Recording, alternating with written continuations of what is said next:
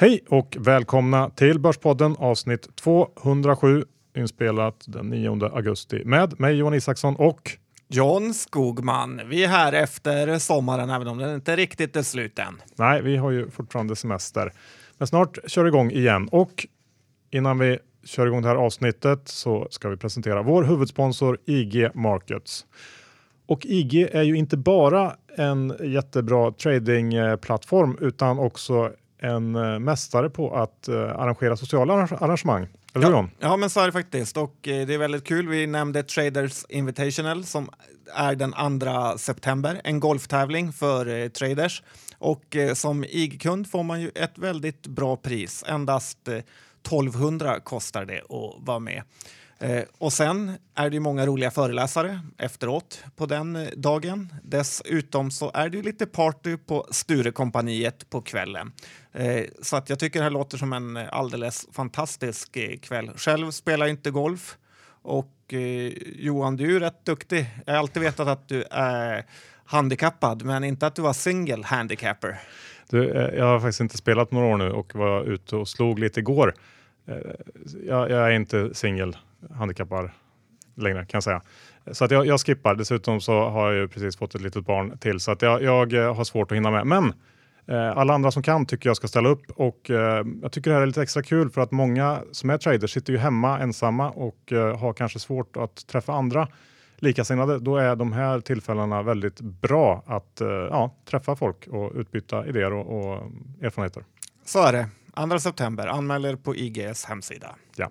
Vad ska vi prata om idag? Ja, idag blir det ju mycket bolag. Det blir ju också eh, bostadspriser och Johan, du har ju hittat ett bolag som eh, har blivit en liten favorit, men som du kommer såga vid fotknölarna.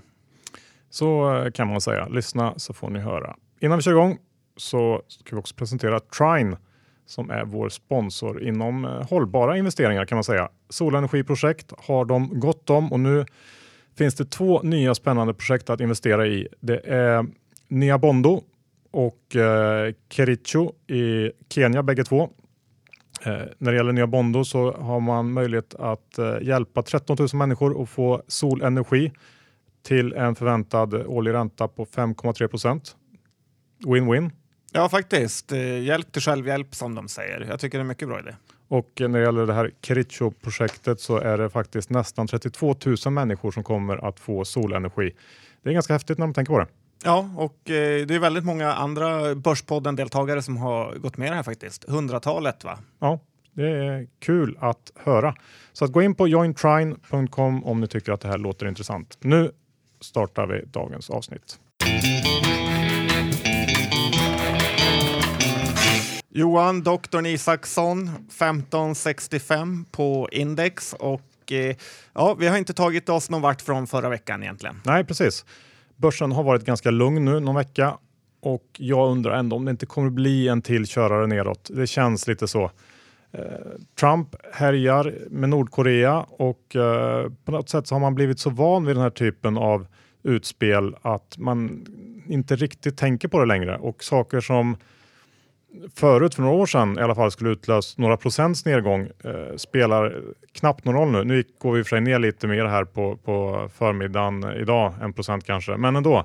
Det, det, är väldigt lugnt och det tycker jag ändå är lite, lite läskigt. Och på något sätt så är ju den här, den här um, complacencyn som vi pratar om också en grogrund för att uh, man faktiskt kan bli överraskad av någonting snart. Så att uh, lite, jag tycker man ska vara lite aktsam. Ja, de flesta brukar tycka att det är läskigt om det går ner mycket. Du tycker det är läskigt om det inte går ner. Eh, ska vi gå över till Norge, John? Det ska vi göra. Bostadspriserna är ju ner där och de har ju också infört någon typ av amorteringskrav eh, som är ett av skälen. Eh, I sommar har jag varit en del i Umeå och tittade på bostadspriserna där och eh, jag kan väl säga att jag aldrig någonsin varit mer övertygad om att vi har en bostadsbubbla framför oss.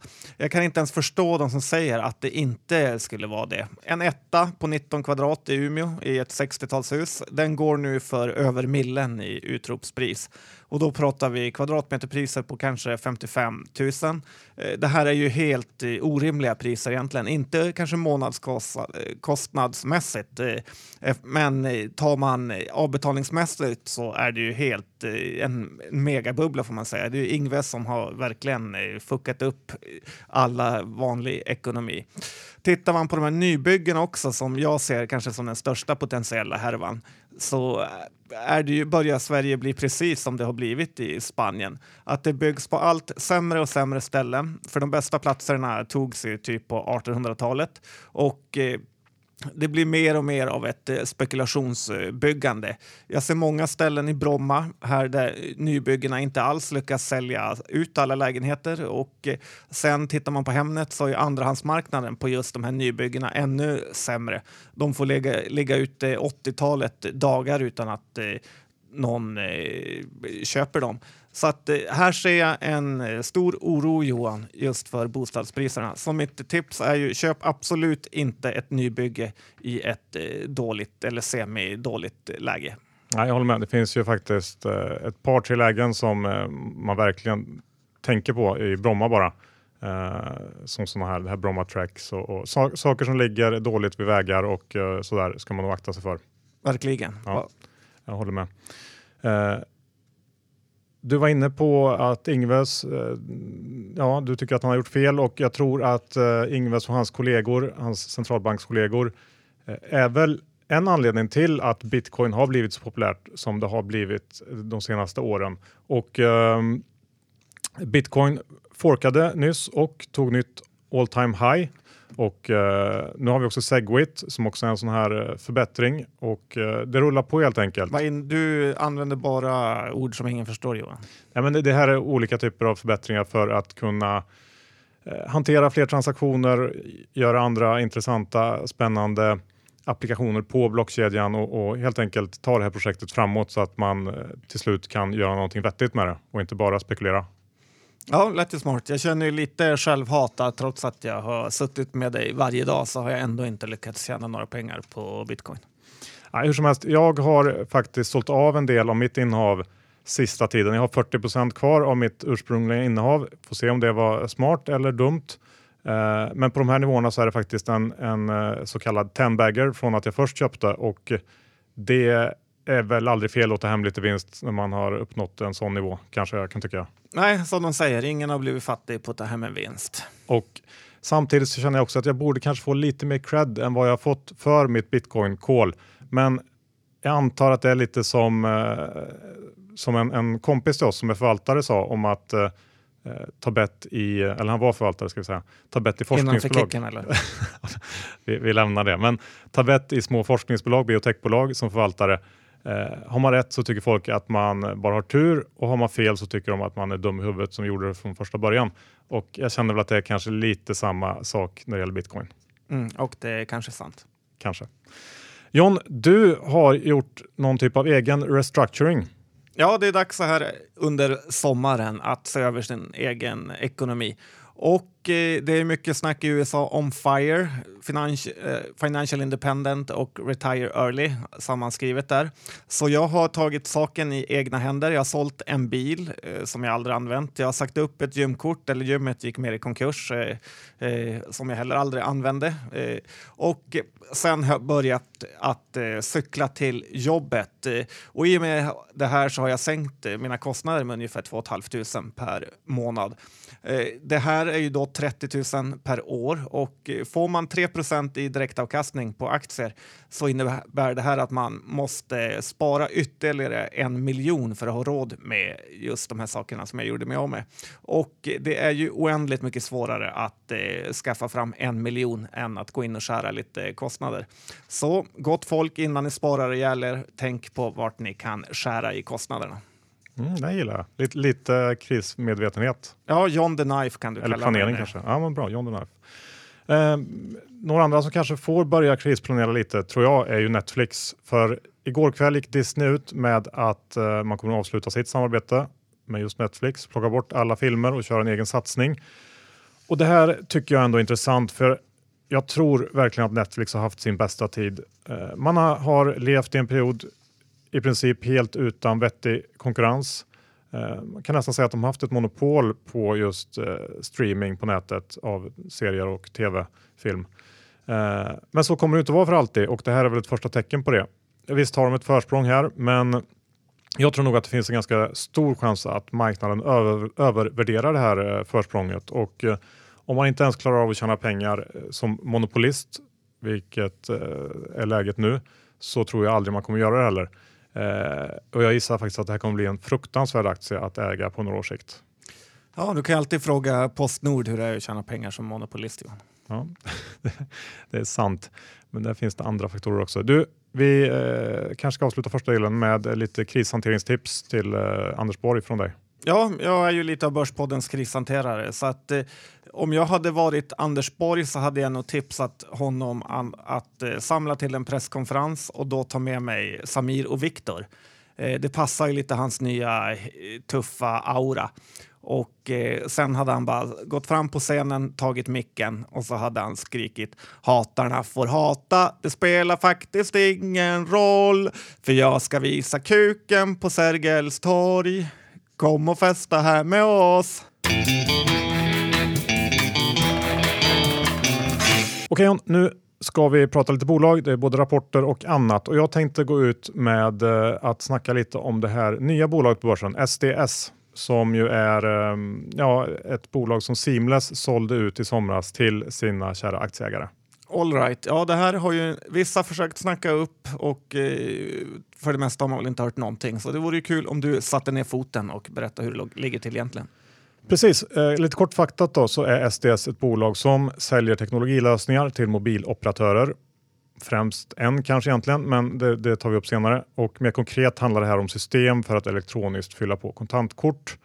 Eh, det här bolaget omsatte 97 miljoner förra året och gjorde ett rörelseresultat om 32 miljoner, vilket ju ser så riktigt nice ut om man tittar på det sådär bara snabbt. Ja, verkligen.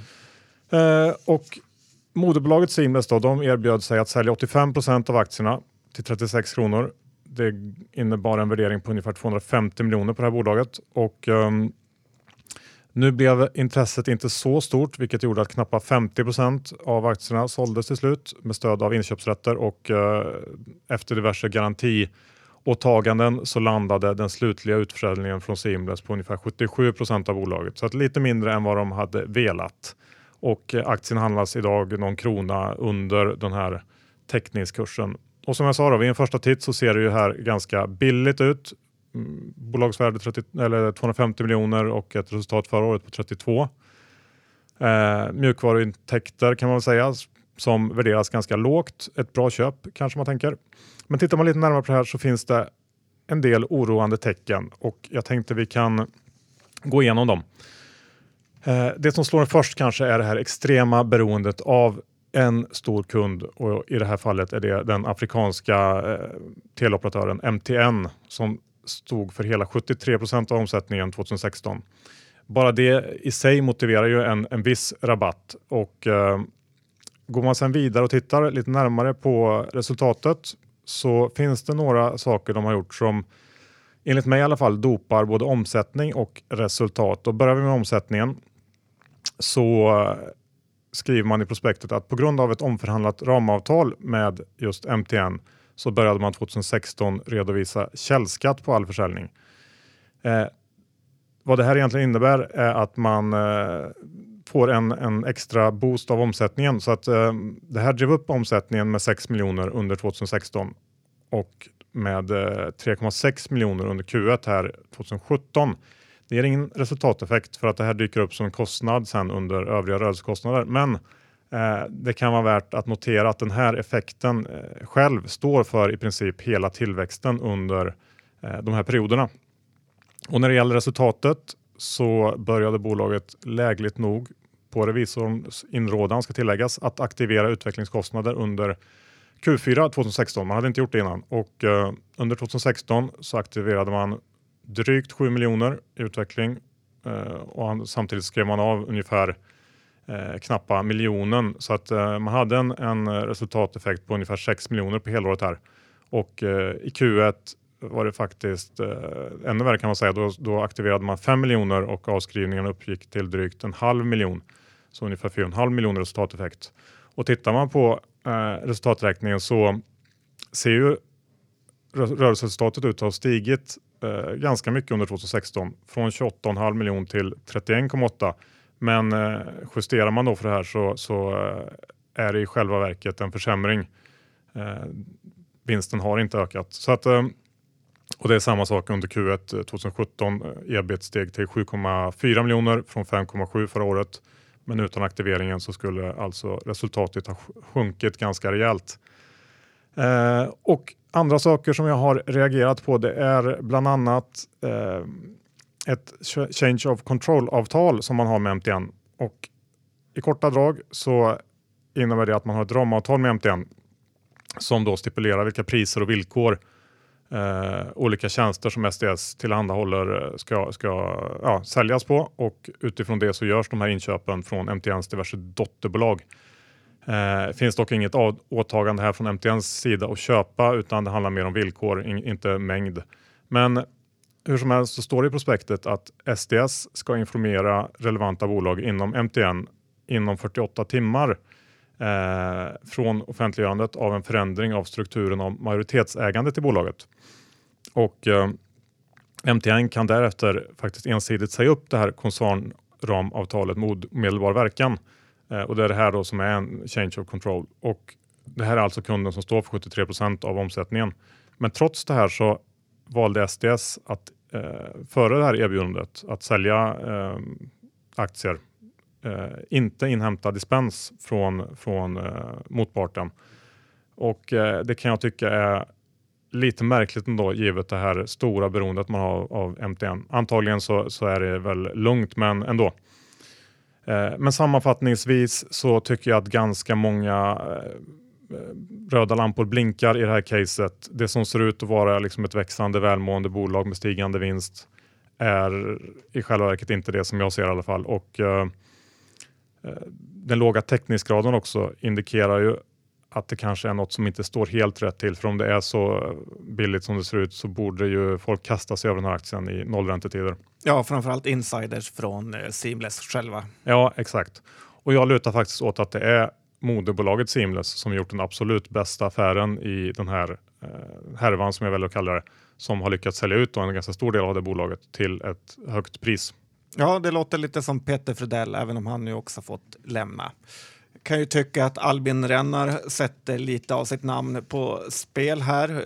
Dessutom är det kanske frågetecken vad han ens kan om afrikanska mobiloperatörer och eh, dylikt, känner jag. Och direkt som Jim Cramer säger, direkt lite oro med bokföringen, stay out och eh, det är vad jag gör. Ja, och, eh, man kan väl säga att det här med aktiveringar är ju ett omdebatterat ämne och jag kan eh, väl absolut säga att jag ibland eh, reagerar lite för hårt på det. Men eh, ja, jag tycker ändå att i sådana här fall när man ändrar principer så ska man vara lite extra eh, vaksam. Eh, så att, ja, det blir, blir, intressant att följa det här. Det är rapport imorgon ska vi säga, 10 augusti, så att eh, vi får se vad de eh, hittar på då. Ja, och låt ingen annan lura varken in det eller ur det i det här, utan bilda din egen uppfattning, eller hur? Självklart, det ska man alltid göra. John, ska vi gå över till ett eh, annat bolag som heter Hövding?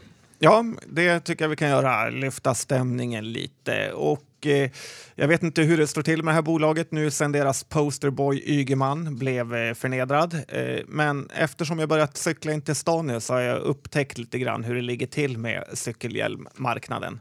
Och eh, om vi ska måla med lite bred, bredare penslar, Johan, så kan man väl säga att utanför Sverige och, och eh, då kanske Norge så finns det precis ingen som använder eh, cykelhjälm. I Holland eller Danmark så vet de inte ens vad det är. Här i Sverige så kör vi ju gärna med benskydd, handledsskydd, ryggplatta och eh, sen måste vi duscha när vi kommer till jobbet. Eh, så att det är lite olika kulturer. Eh, men det finns ju två sätt att se på det här. Det ena är ju att Sverige alltid varit ledande inom eh, säkerhet. Eh, vi har ju varit hårda mot eh, drink and drive, som det heter, medan andra länder har tyckt under lång period att det här är okej. Okay. Eh, numera har ju länderna mer och mer gått emot den svenska modellen och eh, det är möjligt att det faktiskt går så även med cykelhjälmar men man kan ju vara tvärtom och eh, säga att eh, cykelhjälmen är lite som osthyveln. Att eh, det är något som vi tycker själva alla borde ha, men det alla andra tycker att det här är en helt värdelös idé. Så att det finns ju två sätt att se på det här. Sen är det ju faktiskt så att inte alls särskilt många dör av huvudskador vid cykling, utan de flesta skadorna vid cykling är ju armbrott och dylika skador. Och för vuxna kan jag personligen tycka att eh, cykelhjälm är en väldigt eh, överdriven skyddsprodukt. Men hur som helst. Eh, det är ju lite old school också, ska jo, man tillägga. Sån är jag. Men om man tittar då på de som cykelpendlar så är det nästan 0 procent, kanske 2-3 som använder en hövding. Och det tror jag mest beror på att det är, det är lite för svettigt att ha en eh, stor halsduk runt sig. Dessutom är det lite problem med att man måste ladda en hövding så att eh, den fungerar.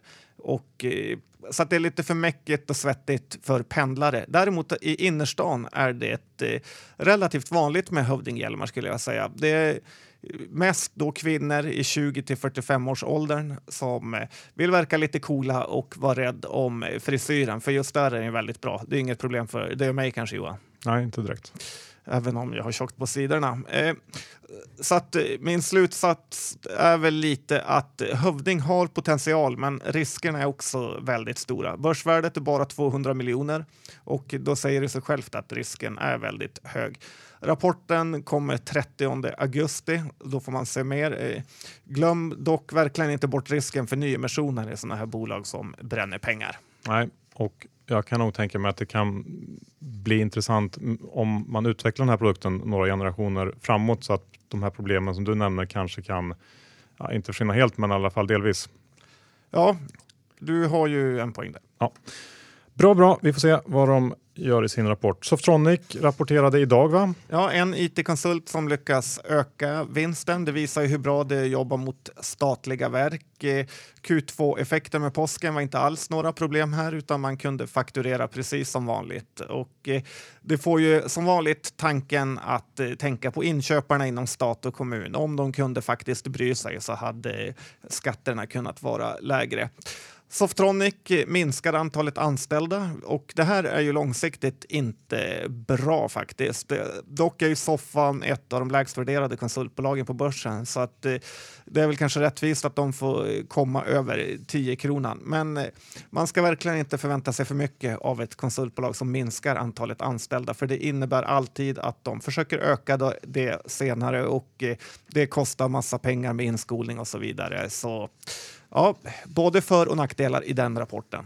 Ja, okej. Okay. Och eh, igår kom ju det lilla eh, doldis-spelbolaget kan man säga, Angler Gaming med rapport som var bra. Ja, ännu en Betsson-avknoppning som levererar. Eh, Angler är ju operatör i Sydamerika och Eh, de har väl levt en lite halv eh, bortglömd tillvaro på börsen under en lång period. Eh, nu verkar det lossnat för dem och det är kul. Jag är lite svårt att sätta mig in i det här bolaget för att det finns inte jättemycket info där ute. Men som sagt, ännu en gång har det visat sig smart att köpa en Betsson avknoppning och vi får se vart det här leder. Ja, men jag håller med och, och lyckas de fortsätta hålla den här tillväxttakten så är antagligen ganska billigt, men som du säger är det väldigt svårt att skapa sin uppfattning om det här bolaget eh, och vem vet vad de egentligen håller på med där borta i Sydamerika. Men, men eh, helt klart någonting att hålla ögonen på. Eh, jag har kikat lite på våra nordiska grannländer. Nokian Tires i Finland rapporterade igår fina siffror. Ja, verkligen. Aktien var upp massor. Ja, vi pratade ganska mycket om det här bolaget för några år sedan när den var nere och harvade kring 20 euro och strax under. Rysslandskrisen. Ja, eh, precis. Och eh, igår stängde den väl på drygt 37 euro någonting tror jag efter den här rapporten då som eh, innehöll bland annat prognoshöjning och stark utveckling i faktiskt just Ryssland drivet av bland annat prishöjningar och ganska låga lager där.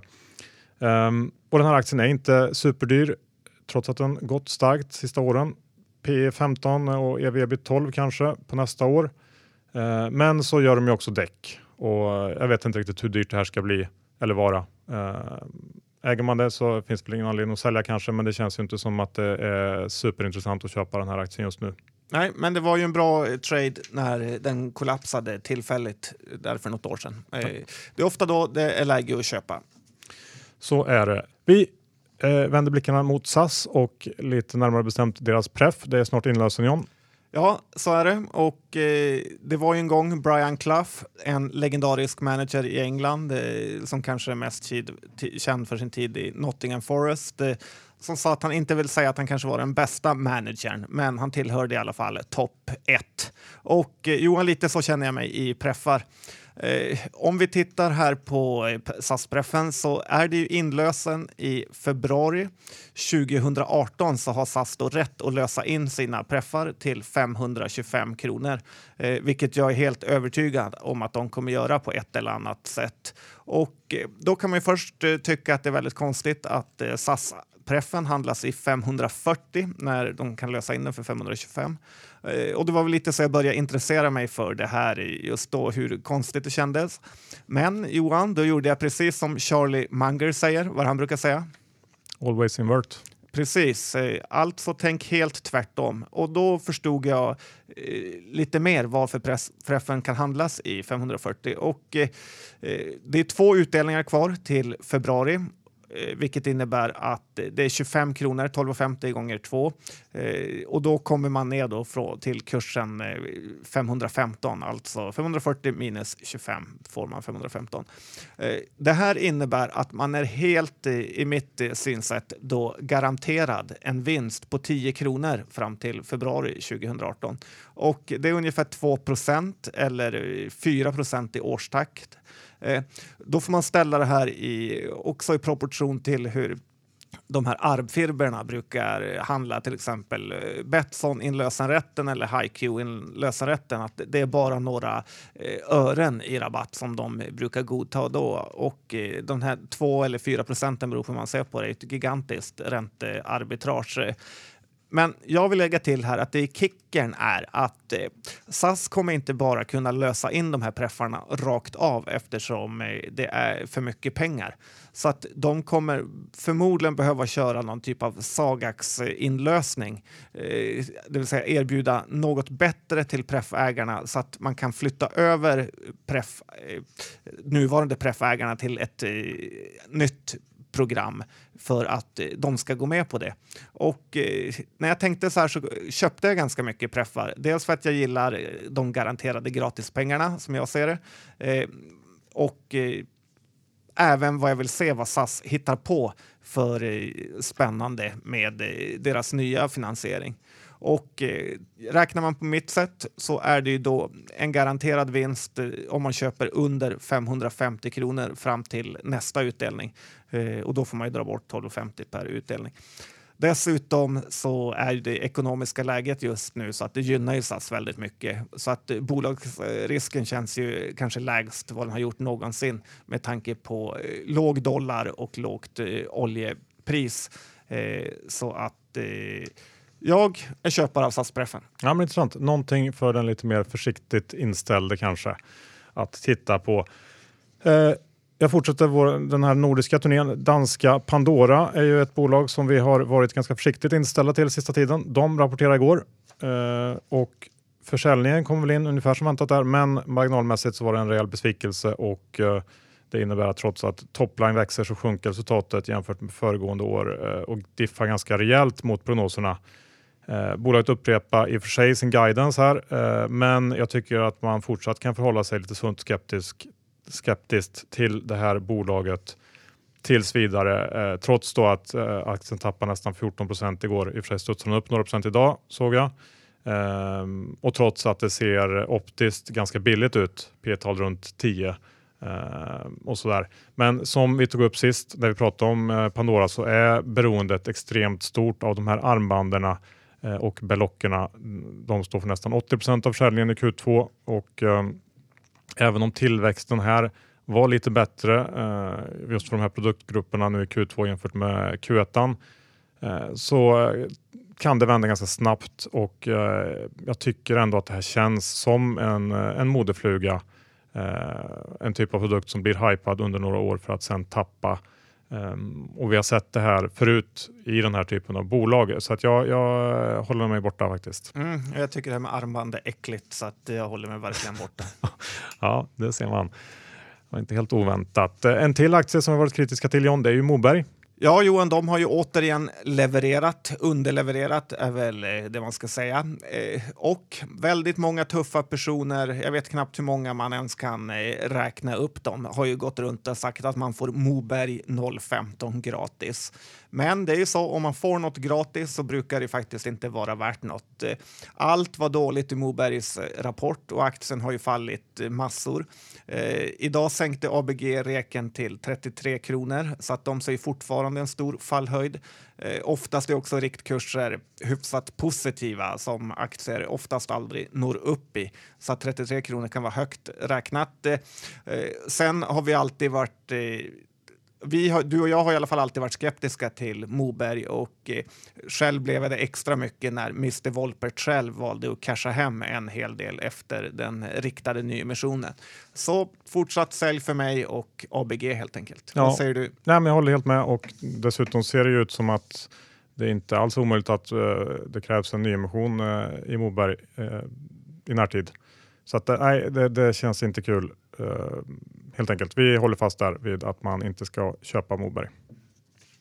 Vi vänder blickarna till Norge också John, så att vi inte missar något av de nordiska länderna och eh, uh, XXL tillväxtstoryn som kanske börjar hacka lite i motorn. Ja, jag har handlat själv där rätt mycket sista veckorna så att eh, jag var tvungen att gå in och titta lite på deras siffror. De har ju redan släppt sina siffror för Q2 och eh, de var faktiskt inte jättebra. Eh, aktien är närmare sina 52 week low eh, än den har varit på länge och fortfarande ett p-tal över 20. Eh, I dagens retail-krasch eh, så känns det ju inte jättemodernt heller med megastora lador fyllda med sportprylar. Eh, tittar man i USA så är det ju kanske den sektor som absolut blivit mest mördad eh, på börsen. Eh, och nu när jag har läst på siffrorna så vill jag plocka fram det här som ett väldigt, väldigt bra blankningscase. För de har faktiskt allt emot sig. Tittar man på börsvärdet så är det 10 miljarder kronor, norska i och för sig, men det är nästan same same som svenska. Och det eh, sjuka är att de bara har 67 butiker, vilket gör att varje butik är lite grovt värderad till ungefär 150 miljoner kronor eh, om man räknar på det sättet jag räknar. Och det är fullständigt eh, galet att en stor lada fylld med till stor del osäljbara grejer är värderad till 150 miljoner. Eh, man kan väl säga så att kanske Bromma Blocks-ladan, den är värd det, eller till och med lite mer. Eh, jag skulle kanske till och med vilja köpa den. Men så finns det ju överallt i hela Sverige, i Umeå, i småorter, långt utanför centrum ligger de här mega eh, husen med eh, massa prylar. Och XXL är också hyfsat nyinsatt på börsen så att eh, deras redovisning är ju, gör ju stora försök till att verka proffsig men den är väldigt eh, krånglig att tränga sig in i. Det är mycket ebita-mått och liknande. Eh, jag tror det här kan bli nästa stora kurskollaps och eh, sen har vi inte ens gått in på allt annat de har emot sig i och med näthandel och annars. Eh, dollarförsvagningen är väl positiv eh, på så sätt att grejerna de köper in blir lite billigare. Men i övrigt eh, säger jag inte mycket positivt till XXL. Jag finner ingen anledning att argumentera emot dig här John, utan ja, jag instämmer. Tack för det Johan. John, slut på avsnitt 207 och eh, det var väl inte så trist det här? Jag tycker inte. Det är kul att börsen börjar vakna upp till liv. Ja, verkligen. Eh, glöm inte IG Markets och deras Traders Invitational, heter den va? Ja, det tycker jag. Jag vill att eh, vi har någon Börspodden-lyssnare eh, som vinner det där. Ja, det vill vi verkligen. Så att, eh, gå in och anmäl er om ni har möjlighet. Bra tillfälle att träffa likasinnade. Eller om ni gillar att festa på Sturecompagniet. Och glöm inte bort Trine, vår eh, solenergisponsor, hållbara investeringar. De har två nya spännande projekt i Kenya. Eh, bägge ger bra klimatkompensering och eh, social impact som man säger eh, i den här typen av eh, investeringar. Det eh, är intressanta projekt bägge två, så gå in på jointrine.com och läs på mer om ni tycker att det här låter spännande. Ja, jag har satt lite pengar och jag tycker det är väldigt kul. Ja. John, vi ska också eh, prata om vår, eh, vår innehavsredovisning, om det är några bolag vi äger eller är korta av de vi har pratat om idag. Um, då ska vi se hur det är för mig. Jag äger ju då fortfarande bitcoin, men det är väl knappt så att jag behöver prata om. Uh, I övrigt så har jag inga intressen i något av de bolagen vi har pratat om. Hur är det med dig John? Nej, Johan, jag har bara SAS-preffen eh, som jag hoppas att jag haft rätt i min spekulation. Ja, bra. Tack för att ni lyssnar den här veckan så hörs vi nästa vecka igen. Hej då!